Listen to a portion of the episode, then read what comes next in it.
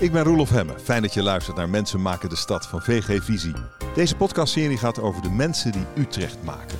Over wie ze zijn, over wat ze willen maken en over wat ze willen betekenen. Waar je het uiteindelijk voor doet, zeker ook als projectontwikkelaar, is voor mensen, voor hun geluk, voor waar zij dagelijks in rondlopen, in wonen. En dat gaat over veel meer dan de vraag: kloppen de vierkante meters of uh, kunnen we het betalen? Het gaat over of mensen zich goed voelen. Deze podcast wordt mede mogelijk gemaakt door DVP en NVM Business.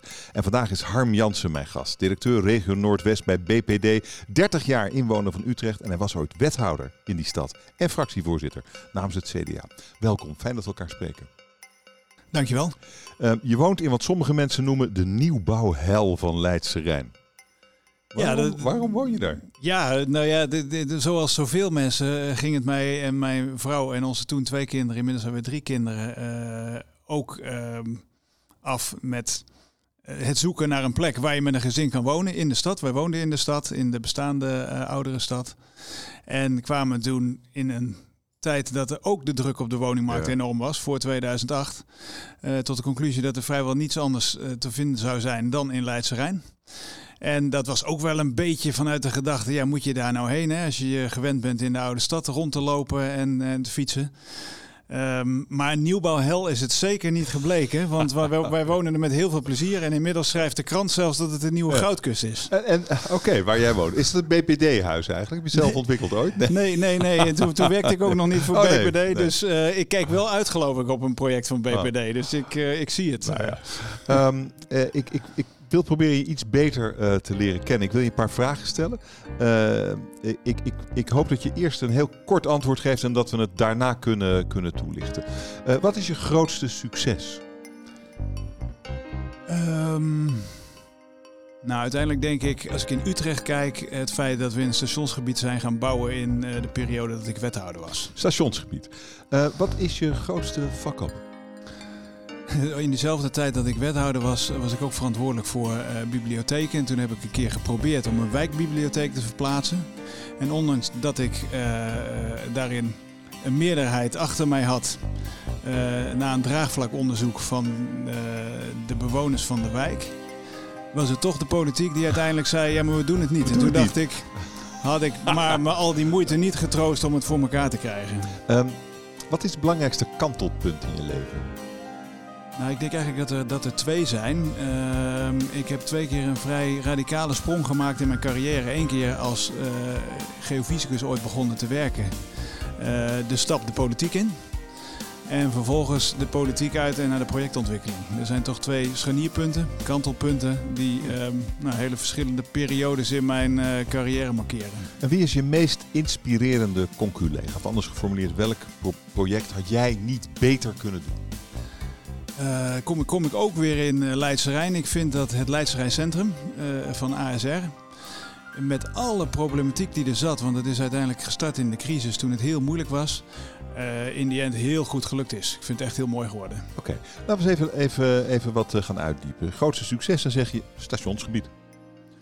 Ja, als je ziet wat het was. Uh, en, het was verschrikkelijk. Uh, het, het, was verschrikkelijk in de tijd dat ik uh, in Utrecht studeerde, maar daarna ook in Amsterdam werkte en dagelijks het station aandeed. Ja, toen lagen daar nog honderden verslaafden onder hoge treinen. Toen was het één grote bende. En als je ziet wat het inmiddels is geworden, zeker al aan de centrumkant en de arbeidskant moet nog heel veel gebeuren. Uh, als ik daar rondloop, denk ik, het is toch echt heel mooi geworden. En waarom is dat jouw succes? Nou, ik heb uh, in mijn tijd als wethouder bijgedragen enerzijds aan het sluiten van contracten met ontwikkelende uh, en, en, en in het partij gevestigde bedrijven, zoals toen nog Corio, tegenwoordig heet dat Clepierre van Ho Hoge Treinen, maar ook de NS voor het, voor het station, et cetera. Dus ik heb een deel van de contracten met hen gesloten. En, en maar oké, maar wat is daar dan het succes in? Waarom zie je dat als een groot succes? Kun je, wat is er nou, um, wat was er zonder jou niet gebeurd? Um, nou, ik heb, ik heb uh, een belangrijk deel van de contracten die ik heb gesloten houden in dat er vanaf het station nu uh, over het maaiveld, gewoon over uh, het openbaar gebied, op een prettige manier naar uh, het centrum kan worden verplaatst, gelopen. Dus daar, daar, daar, oh daar, daar, loop je niet meer langs die catacombe, maar daar komt gewoon een aantrekkelijke openbare ruimte. en daar hebben wij in mijn tijd de contracten gesloten met de eigenaar van Hoge Treinen om die invulling te doen. Ja, jij dacht dat moet open blijven. Uh, ik dacht, je moet, en dat idee lag er al, hè, dat, je, dat je ook buiten hoge treinen om op een prettige manier naar het centrum zou moeten kunnen. Maar wat er nog niet lag, was de uh, instemming van uh, van Corio, om dan ook langs die route aantrekkelijke uh, winkels uh, en plekken te creëren. Want daarmee haal je natuurlijk een deel van het uh, publiek uit hoge treinen de openbare ruimte in. En voor uh, hoge treinen is het van belang om zoveel mogelijk winkelend publiek door de eigen straten te krijgen. Dus dat is denk ik een belangrijke bijdrage die ik heb geleverd. En daarnaast een andere hele belangrijke, denk ik, heb ik met ook uh, de noodzaak om de gemeenteraad extra krediet te vragen daarvoor. Maar heb ik het voor elkaar gekregen om uh, de kredieten voor het starten van de bouw van het muziekpaleis uh, rond te maken. Er was veel discussie over in de stad, veel politieke discussie. Maar ik denk als je nu ziet wat er staat en hoe uh, enthousiast Utrechters daarover zijn, is dat het wel waard geweest. Dat is mooi dat je uh, zo'n uh, verstrekkende invloed kunt hebben als politicus op een paar belangrijke punten in de stad. Dat is mooi. Toch? Ja, het is hartstikke leuk als je daar uh, ook zelf gewoon af en toe uh, in, uh, ja. in rondloopt of, of, of langs fietst. Um, en dan vraag ik je naar je grootste vak op en dan kom je weer met een politiek voorbeeld. je had het voor elkaar gekregen dat een bibliotheek verplaatst kon worden met de bewoners van de buurt. En vervolgens zegt de gemeenteraad, we doen het toch niet. waarom is dat een vak op van jou? Uh, nou ja, ik had, ik had het zelf denk ik aan de voorkant heel anders in moeten schatten. Ik had het belang van uh, uh, hoe dat politiek en, en, en, en invloed van bewoners eh, werkt beter moeten inschatten. iets uitweidend over wat er gebeurde. Wij wilden een bibliotheek verplaatsen. Ik wilde dat als, als wethouder die daar verantwoordelijk voor was. Daar kwam een bewonersgroep in actie tegen die verplaatsing. Ik dacht desondanks dat het een goed idee zou zijn om het wel te doen sprak met de gemeenteraad af, die eigenlijk zeiden van nou we moeten maar naar die bewoners luisteren en het niet doen. Sprak met de gemeenteraad af, dan doen we een draagvlakonderzoek en dan kijken we of er draagvlak voor is. Uh, de gemeenteraad dacht denk ik op dat moment dat het draagvlak er niet zou zijn. Toen bleek er toch een uh, kleine, maar wel een meerderheid te zijn om die verplaatsing door te zetten onder de bewoners. En toen waren er toch weer uh, onder invloed van uh, diezelfde bewoners die tegen waren. Uh, diezelfde gemeenteraadsleden die zeiden we horen zoveel tegengeluiden, laten we het toch maar niet doen. En dat leerde mij, dat, ik, dat, heeft, dat heeft een half jaar tot een jaar gekost, het hele proces. Heel veel inspanning, energie, praten met mensen. Toen dacht ik, ja, als er zo massief geluid is vanuit omwonenden, vanuit de omgeving, dan moet je daar waarschijnlijk, had ik daar beter aan de voorkant toch op een andere manier mee om kunnen gaan. En niet moeten denken, ik, ik haal het wel ja. op basis van de feiten. Wat, is, wat, is, uh, wat zeg je dit over politiek? dat dat vaak emotie is. Want uh, op basis van de rationele argumenten en zelfs gewoon een simpele telling van de stemmen, zullen we maar zeggen, was het logisch om het te doen. En het had ook financiële voordelen en het had ook nog wel inhoudelijke voordelen, want we konden combineren met een wijkloket voor wonen en zorg en noem het allemaal maar op. Maar die rationele argumenten telden minder zwaar dan de emotie die mensen konden overbrengen op uh, de gemeenteraad om het toch niet te willen. En dat is ook de les die het jou geleerd heeft. Ja, zeker. Want uh, daarmee zijn niet alleen feiten uh, bepalend, maar is emotie dat nog wel meer dan, dan je ja. misschien soms zou willen of denken. Ja, want misschien ben je best een rationele man. je, was toch, je hebt toch geofysica gestudeerd? Ja, dat klopt. Um, dat, dat lijkt me vrij rationeel. Dat is, dat is heel rationeel. Dat is, dat is heel, heel veel inhoudelijk en feitelijk. En, ja. en vervolgens word je dan nou ja, word, word, je politicus en nu projectontwikkelaar. En dat, dat zijn eigenlijk ook de belangrijke kantelpunten in je leven, zegt, zei je net. Nou ja, dat is wel een beetje zo. Kijk, kijk, kijk, als je mensen in mijn omgeving zou vragen, die zeggen wel, uh, ja, je bent rationeel, maar emotie is je zeker niet vreemd. Dus uh, het is ook wel degelijk dat ik um, dingen ook vanuit mijn gevoel vaak doe. Um, maar dat is denk ik de tijd in de politiek en vervolgens nu ook in de projectontwikkeling die me dat meer en meer geleerd heeft. Dat um, ja, waar, het uiteindelijk voor doet, zeker ook als projectontwikkelaar, is voor mensen voor hun geluk, voor um, waar zij dagelijks in rondlopen, in wonen. En dat gaat over veel meer dan de vraag: kloppen de vierkante meters of uh, kunnen we het betalen? Het gaat over of mensen zich goed voelen. Ehm, dus de, wat, wat, wat was er, uh, wat vond je uiteindelijk niet zo leuk aan geofysica? Dat je daar toch niet een carrière in gevonden hebt? Niks, ik vond alles leuk. Ik zou het zo weer gaan studeren. Ik vond het fantastisch. En nog steeds. Want ik ben nog steeds gefascineerd door uh, aardbevingen, gebergtevorming, vulkanisme noem het op. Ehm, maar ik vond politiek dusdanig uh, interessant dat ik me ook daarin wilde verdiepen en mee wilde bemoeien. En wat je in geofysica niet hebt, is wat je in, zeker in lokale politiek, maar in algemene zin in politiek natuurlijk heel sterk hebt, dat je ook uh, het contact krijgt met mensen in de hele omgeving. Ik was wethouder sport en sprak ik met volksclubjes in Sterrenwijk. En ik was wethouder stationsgebied en dan sprak ik met hele grote investeerders.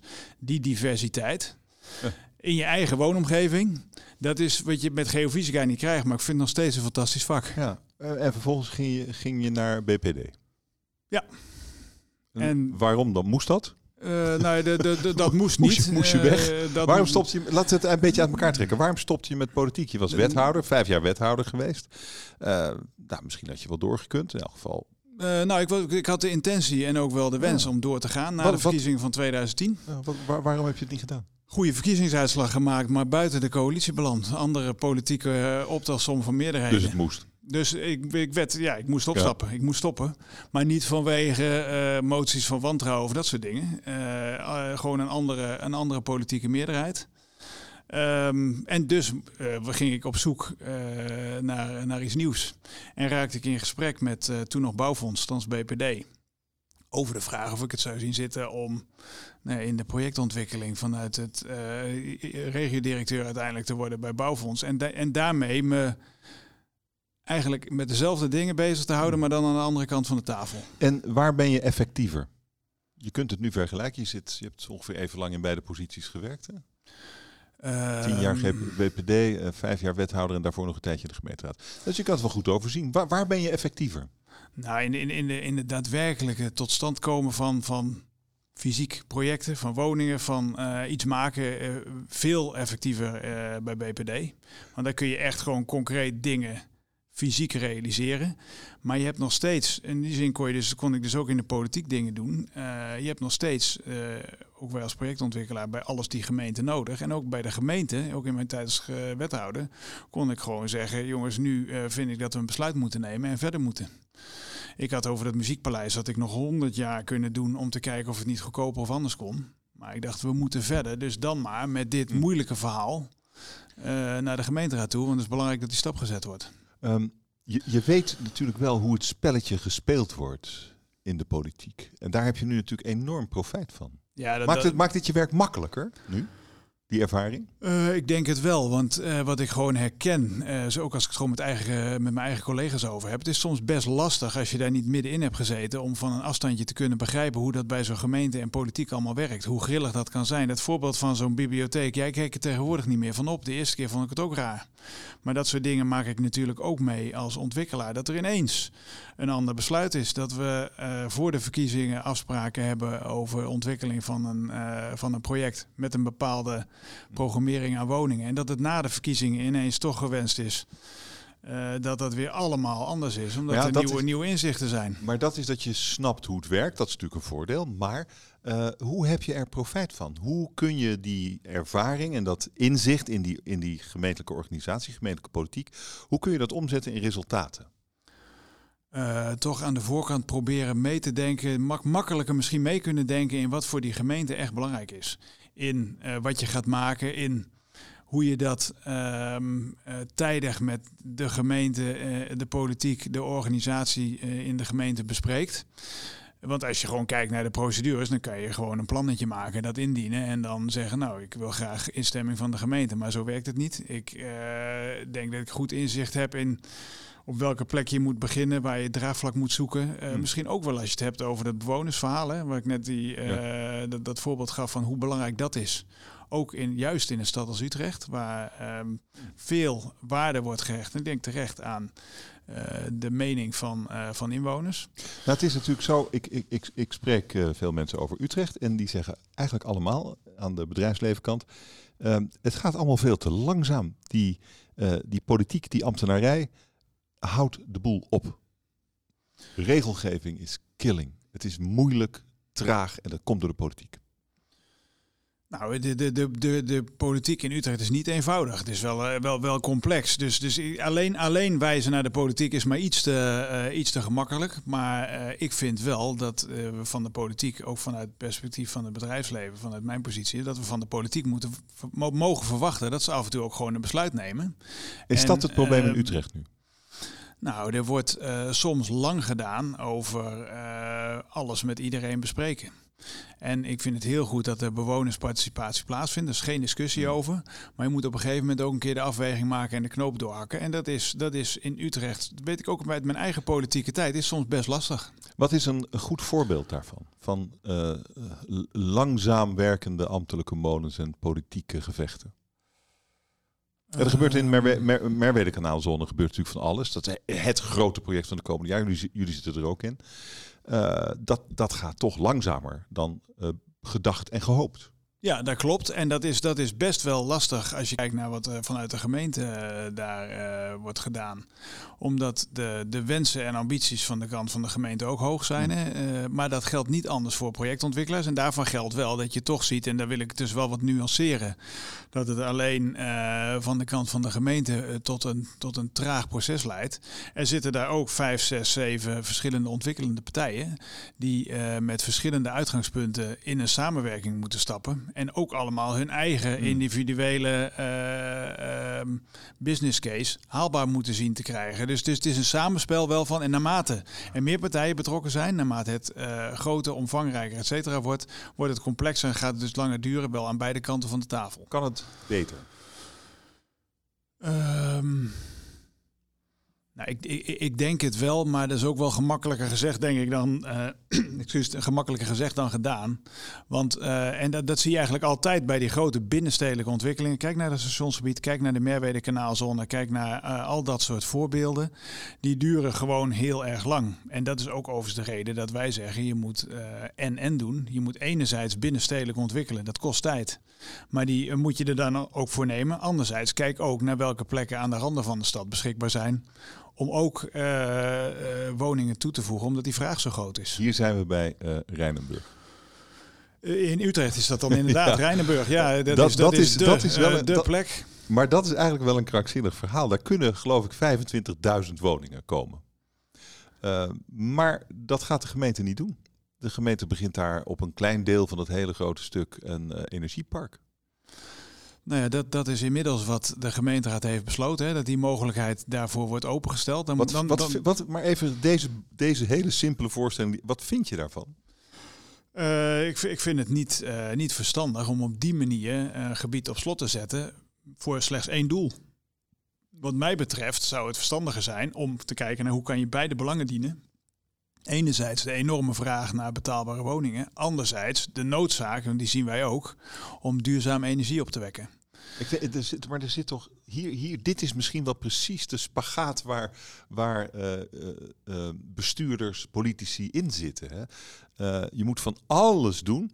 je moet je, je, willen we die polders volbouwen? Willen we iets aan duurzame energie doen? Willen we de woningnood oplossen? Al dat soort dingen. En maak daar dan maar eens een beslissing in. Dat is hier aan de hand, denk ik. En jij zegt ze maken eigenlijk de verkeerde beslissing. Uh, ja, ik zou hem anders gemaakt hebben. Uh, want ik denk dat je beide belangen echt, uh, beide doelen kan dienen. Je kan daar veel woningen realiseren die ook nog betaalbaar zijn. veel betaalbaarder kunnen zijn dan wat er nu in de stad wordt aangeboden. En anderzijds kun je dat enerzijds dus gewoon als, als wijk op zich duurzaam doen. En dan blijft er ook nog ruimte over om duurzame energie voor andere delen van de stad op te wekken. En, en, en waarom gebeurt dat dan niet? Nou ja, dat is omdat uh, wat je zegt klopt van de politiek. Ze moeten heel veel verschillende afwegingen maken en heel veel verschillende belangen dienen. Dat wordt dan vervolgens ook mede uh, complex gemaakt doordat het Rijk heeft besloten. Iedere regio moet in zijn eigen energiebehoeften voorzien. En ik snap ook wel dat als je dat gebied alleen maar gebruikt voor energieopwekking, dat je dan meer energie op kan wekken voor de rest van de stad dan wanneer je die energie deels moet opwekken voor die woningen die je er nieuw gaat bouwen. Maar je moet misschien wel met elkaar optrekken naar het Rijk en zeggen, joh, die windmolens, die kunnen toch ook op zee staan? Die windmolens kunnen toch ook op plekken niet in het dichtstbevolkte deel van het land, maar waar wat minder uh, druk op de woningmarkt is en wat meer ruimte. Dat, dat soort dingen zul je over na moeten denken. Dus het, het, maar, dit is toch een no-brainer? Dat denk ik ook. Uh, en maar, maar dus wat gaat er dan mis in die politiek? Uh, nou ja, dat heeft toch denk ik te maken uiteindelijk met uh, de, de uh, politieke inhoudelijke afweging die door de gemeenteraad zoals die zit gemaakt wordt. Ja, maar, en, en, en, en, en, die wij stellen vast dat het een no-brainer is, is om het anders te doen. Wat gaat er mis? Ik, uh, ik begrijp ja, dat het de beslissing is, maar waarom nou is het de verkeerde beslissing? Er gaat niet per se iets mis. Uiteindelijk, zo'n zo, nou zo democraat ben ik ook nog. Iedere oh stad krijgt, uh, krijgt de gemeenteraad die het kiest. Ja, maar dit en, kan toch een dom besluit zijn door een gemeenteraad? Ja, genomen? kijk, dit, vind ik, ik, ik moet niet te aanmatigend zijn nee, en, dom is, en, en, en, dingen dat als dom, geen, dom Dat is ook geen goed voor, moet ik je ook niet in, in de mond leggen. Maar het is, het is zo voor de hand liggend om het anders te doen, dat het moeilijk is om de beslissing van de gemeenteraad te begrijpen. Nou ja, jij, jij, zegt het en wij blijven dus ook pleiten. En uh, daarmee, hmm. het is ook niet de, de, de ruimte, het is ook niet gezegd dat het niet uh, op een bepaalde manier toch net iets anders kan lopen in de toekomst. Hmm. Um, er is door de gemeenteraad gezegd, uh, wij kijken of er initiatieven komen om dit energielandschap daadwerkelijk in te richten. Ja. Ja, het, is nu, het is nu afwachten welke initiatieven er van partijen, of dat nou energiebedrijven zijn of grondeigenaren, daadwerkelijk komen. Ja, jullie zitten zelf ook in. Wij zitten daar zelf. Heb je, een, heb je een idee? Hoe kun je het combineren? Nou ja, wij denken dat je uh, uh, woningen moet uh, realiseren daar die, die geen energie vragen. Uh, zonnepanelen op de daken, warmte, koude opslagsystemen, noem het maar op. We denken dat er dan ruimte overblijft om uh, met zonnepanelen is dat niet op uh, geluidsschermen langs de snelweg, dan wel aan de randen van het gebied of waar dan ook nog heel veel extra energie op kunnen, kunnen wekken. Misschien kan je in de toekomst met nieuwe te technieken, kom ik weer een beetje bij mijn oude vak, geothermie en dat soort dingen, kan je misschien ook nog weer heel veel extra's doen. Alleen dan moet je met elkaar de bereidheid hebben om te zeggen, dan gaan we nu ook met elkaar studeren, rekenen, tekenen en uh, kijken wat er mogelijk is. Ja, maar hier zegt de gemeente eigenlijk heel uh, zwart-wit, we doen het zo. En we gaan dat, dat, dat wat complexere, misschien wat, wat intelligentere proces gaan we niet eens in. Nee, de, de, de, de, tijd zal het leren hoe, hoe, hoe, het uitpakt. De, mo de molens staan er nog niet. We wachten, we wachten het nog even af welke initiatieven er komen en hoe de tijd uh, uh, voortschrijdt. Nou, ik vraag het ook uh, namens mijn redacteur die deze gesprekken voorbereidt. Die heeft een probleem. Hij is een alleenstaande vader van 39. Hij heeft een, een, een, kind met een paar problemen. Die moet in Utrecht naar school. ja, hij moet dus in Utrecht wonen. Hij betaalt 1300 euro per maand voor een relatief klein appartement. Um, hoe ga jij, of hoe zou Utrecht dit probleem moeten oplossen? Nou, wat wij, wat wij uh, als bedrijf doen, en dat doet de gemeente Utrecht ook, dus ik weet niet wie, wie, wie het idee heeft, maar een uh, grotere inzet, uh, grotere inspanning om meer middeldure huurwoningen te realiseren is een hele belangrijke. Want je zegt het al, 1300 euro voor een klein appartement, dat is eigenlijk niet meer betaalbaar te noemen. De gemeente zet sterk in op meer middeldure huurwoningen in nieuwe ontwikkelingen. Maar die komen er pas over decennia. Nou ja, dat is, niet, dat is niet helemaal waar. Wij zetten daar als bedrijf op in door uh, dat we afgelopen jaar hebben gezegd... wij gaan voor in het hele land 15.000 middeldure huurwoningen uh, realiseren. In, in eigen beheer en portefeuille. Nou, de eerste uh, 200, 300 uh, staan op de planning en worden ook as we speak met de gemeente besproken om daadwerkelijk in de komende jaren te realiseren. Dat zijn er nog geen tienduizenden, mm. maar de start is er. Um, jij bent natuurlijk vijf jaar wethouder geweest, we hadden het er al over. Zag je toen dit probleem niet levensgroot op je afkomen? Uh, jawel, want uh, ik was in mijn politieke tijd ook altijd voorstander van toen al om uh, rustig verder te gaan met plannen maken voor onder andere Rijnenburg. om die hoeveelheid woningen die je kan toevoegen snel groter te maken. Ehm, ja, dus, dus, dus nee, ik ben, ik ben uh, altijd, het is ook wat ik doorgezet heb, niet alleen in Utrecht, maar ook op andere plekken. Ook in de crisis van 2011, uh, eh, die was er toen ook nog gewoon. Ik heb altijd gezegd bij alle gemeenten, laten we door blijven werken aan plannen maken. Want als de markt er weer is, dan moet je iets hebben om ook daadwerkelijk uh, te kunnen gaan bouwen. Maar dat was ook de periode dat we dachten dat Nederland af was. Dat het niet hoefde. Ja, er waren gerenommeerde, niet... Uh, er was een minister die dat een zei. Een minister, rijksbouwmeesters die dat zeiden. het is klaar. Ja, heb, heb ik altijd bijzondere uitspraken gevonden. Want uh, als je kijkt naar de demografische uh, voorspellingen, die waren ook in die tijd dat het land gewoon zou bij, blijven groeien. We praten straks verder over jouw ideeën voor Utrecht. Eerst even dit. Deze podcast van VG Visie wordt mede mogelijk gemaakt door DVP. DVP helpt bij de ontwikkeling en realisatie van projecten. Hoge kwaliteit, financieel beheers met als doel gewild en rendabel vastgoed. Daadkrachtig, onafhankelijk en integer. DVP. Dit is toch een interessante hè, waar we het net over hadden. Je, je zit als wethouder in de praktijk en je, je ziet het probleem op je afkomen. En, en andere mensen zeggen er is geen probleem, er is geen woningnood. Nederland is klaar, we hoeven niks meer te doen. Hoe komt het dan dat de mensen die het wel zagen, van wie jij er één was, niet in staat zijn geweest om, uh, om de anderen ervan te overtuigen dat er wel degelijk gebouwd moet worden?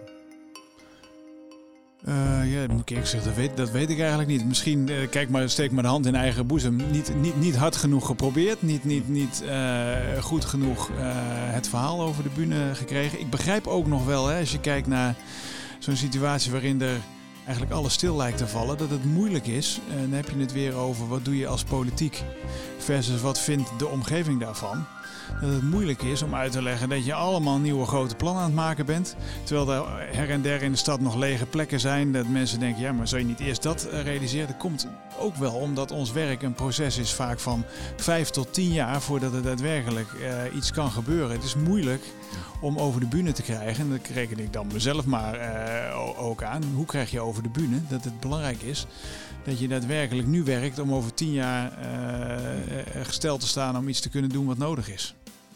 Um, ik wil je nog een paar vragen stellen uh, over jouw smaak en over de stad. Welke mensen hebben wat jou betreft de stad gemaakt zoals zij nu is? Ik hoor graag twee namen van mensen die heel positief hebben bijgedragen en één naam van iemand die zijn handen beter in zijn zak had kunnen houden. Noem de namen, dan gaan we er daarna over praten. Uh, de twee uh, positieve, dan noem ik Annie Brouwer, voormalig burgemeester van Utrecht, en Adriaan Geuze, landschapsarchitect. Oké, okay, en wie had beter niks kunnen doen? Uh, Max Voigtingen. Oké. Okay. Um, uh, laten we eerst naar Annie Brouwer kijken. Ja. Waarom bewonder je haar? Ik uh, werd raadslid toen zij burgemeester was en kwam in een college uh, als haar lokale burgemeester toen zij burgemeester was. En um, ja, waarbij de buitenwereld dat niet altijd zag, had ze een dusdanige bestuurlijke kracht en zo'n enorm netwerk ook in Den Haag, dat ze enorm veel voor de stad voor elkaar heeft gekregen. Wat is het meest opvallende? Ja, ik vind een hele belangrijke wat ze heeft bereikt. Uh, natuurlijk samen met, anders zou ik mijn collega uh, wethouders uh, van die tijd tekort doen. Natuurlijk samen met collega's van verkeer. maar wat ze heeft bereikt om de infrastructuur rond de stad en de ondertunneling van Leidse Rijn met rijksgeld voor elkaar te krijgen. Dat is, ehm, ik denk dat het niet was gelukt zonder haar inspanning. en Adriaan Geuze? Uh, landschapsarchitect, uh, architect van het ontwerpen van het Maxima Park in Leidse Rijn. Ik woon daar ook om de hoek. Uh, dat maakt misschien ook wel dat ik het extra bewonder. Maar waar ik in, toen, toen de, dat ontwerp werd gemaakt, toen erover na werd gedacht, waar ik toen toch nog niet van kon vermoeden dat het zo een succes zou zijn. Uh, enorm park, ik geloof zes keer zo groot als het Vondelpark. En dan denk je van ja, wordt het allemaal niet een beetje groot? Is dat niet een beetje te veel van het goede? Maar als je nu ziet dat er bussen met Japanners in het park komen kijken over hoe bijzonder het is. En als je ziet hoeveel mensen in Leidse Rijn uh, daar voor hun recreatieve uh, mogelijkheden gebruik van maken. Hoe het werkt met de sportvoorzieningen in, uh, in het park. Met um, een bijzondere Japanse tuin, een bijzondere vlindertuin. Het is onwaarschijnlijk wat je met een goed ontwerp en een, en het vasthouden aan een visie kan betekenen voor nou ja, een stadsdeel met 80.000 mensen. En dan Max, Max Voigt, hoe, Voigtinger. Voigtinger die had maar beter niks kunnen doen. Wat heeft hij gedaan? Die bedacht in de jaren 50, eind jaren 50, dat je alle singles van Utrecht zou kunnen dempen. En daar uh, oh, dat was hij. Auto, auto's ja. zou kunnen laten rijden. Dat was een briljant idee. En, en opvolgers van, dat ja. hele plan is niet doorgegaan. Opvolgers van ja. hem hebben uiteindelijk bedacht dat je dan het bij een stukje Katerijnen-single kon laten. Uh, dat is ook uitgevoerd. Hè? Ik ben niet degene die zegt, hoge treinen had nooit gebouwd moeten worden. Want ik snap op een gegeven moment ook als je een oude vervallen woonbuurt hebt waar iets mee moet, dat dat en zeker in de jaren 60 tot sloopnieuwbouw komt in de stijl die toen gangbaar was. Maar dat had ook wel gekund zonder een racebaan uh, ja. van die gracht te maken. Daar het is je, hersteld weer. Het is hersteld, dat is mooi, maar dat heeft natuurlijk wel heel veel uh, extra tijd en ellende gekost. Wat denk, wat denk je dat de wat, wat denk je dat de fout is die we, die, die we nu recent hebben gemaakt in Utrecht? Eh, waar, althans, die we dan over een jaar of 30, 40, 50 zullen herkennen? Wat doen we nu verkeerd? Um, je, dat vind ik altijd zo moeilijk, want ik denk dat, ik, ik denk dat in de jaren 60 uh, uiteindelijk ook niet gedacht was dat die fout zo groot was als, uh, uh, als die bleek te zijn 20, 30 jaar later. Um, het is eigenlijk een onmogelijke vraag. Ja, kijk, de, wat, Nee, ik vind, ik vind het heel moeilijk om te zeggen. Laten we, uh, laten we eens even uh, naar, naar de stad Utrecht kijken. En uh, gewoon niet over woningnood en al dat soort dingen, maar gewoon over de stad als stad, als groot organisme waar we allemaal leven, werken en doen wat we, wat we, wat we leuk vinden. Ehm, wat heeft die stad nog nodig, wat jou betreft? Ja, volgens mij in de eerste plaats ehm, toch een, een, een, nog op de een of manier forse verbetering van het hele verkeerssysteem. Want je ziet dat ehm, het, het loopt nog steeds vast in, uh, in Utrecht. Iedereen weet dat als je daar met de auto doorheen wil, zeker als je de stad in, uh, in wil of je in de stad wil verplaatsen, dan is dat heel moeizaam. En uh, waar heel goed aan gewerkt wordt, is aan alle infrastructuur voor fietsen. Dat vind ik echt, dat is ook een, een, een compliment naar het, uh, naar het gemeentebestuur nu. Daar maar wordt echt op een goede manier, denk ik, veel werk van gemaakt. Maar er is nog wel meer nodig, want die groei die gaat door. Er komen 50.000, 100.000 mensen bij. Dan moet je dus nog meer doen als het gaat om uh, openbaar vervoer, andere vormen van mobiliteit dan de auto. En dat, en dat is nog wel een uitdaging, want het zit allemaal heel erg op slot er is weinig ruimte. Dus dat, dat vraagt denk ik nog een enorme inspanning. Ja, waarbij je er dan vanuit gaat dat, uh, dat auto's toch nog wel diep in de stad zullen blijven doordringen de komende decennia. Uh, ja, kijk, ik, de, ik, denk dat dat altijd wel blijft. Het goede hmm. nieuws is dat dat natuurlijk in de toekomst kan met minder uh, vervuilende effecten uh, die erbij komen. Maar je moet, als je voor de, voor de, zeg maar de binnenstedelijke bereikbaarheid, moet je toch nog veel steviger. En ik denk dat het gemeentebestuur dat ook doet. Hè, dus de, daar ben ik ook helemaal geen tegenstander van. Veel steviger nog inzetten op, op fiets, op openbaar vervoer, op beloopbare afstanden, dat soort dingen. En wanneer word je weer wethouder? Ik denk nooit in Utrecht en ik denk ook nooit elders in Nederland. Waarom niet? Ja, ik weet het niet. Volgens mij als je eh, een aantal jaren dat met plezier en eh, redelijk succes hebt gedaan, kan het alleen maar tegenvallen. Ja, je moet niet terug naar wat je al gedaan hebt, bedoel je? Eh, denk ik. Je zou er nu nog beter in zijn, vermoedelijk. Ja, misschien wel, maar uh, ik vind wat ik nu doe ook heel erg leuk. Dank je zeer voor dit gesprek. Je luisterde naar de podcast Mensen maken de stad over uh, Utrecht. Een productie van VG Visie, mede mogelijk gemaakt door DVP en NVM Business. Er zijn nog meer afleveringen, ga die vooral luisteren. Je vindt ze op vgvisie.nl. NVM Business organiseert op 26 november het vierde innovatiecongres. Vanuit marktspecialismes kijken we naar de gezamenlijke uitdagingen van vandaag om invulling te geven aan de vraag hoe nu verder. Mis het niet, je kunt je nu aanmelden voor de livestream. Zoek op NVM Business.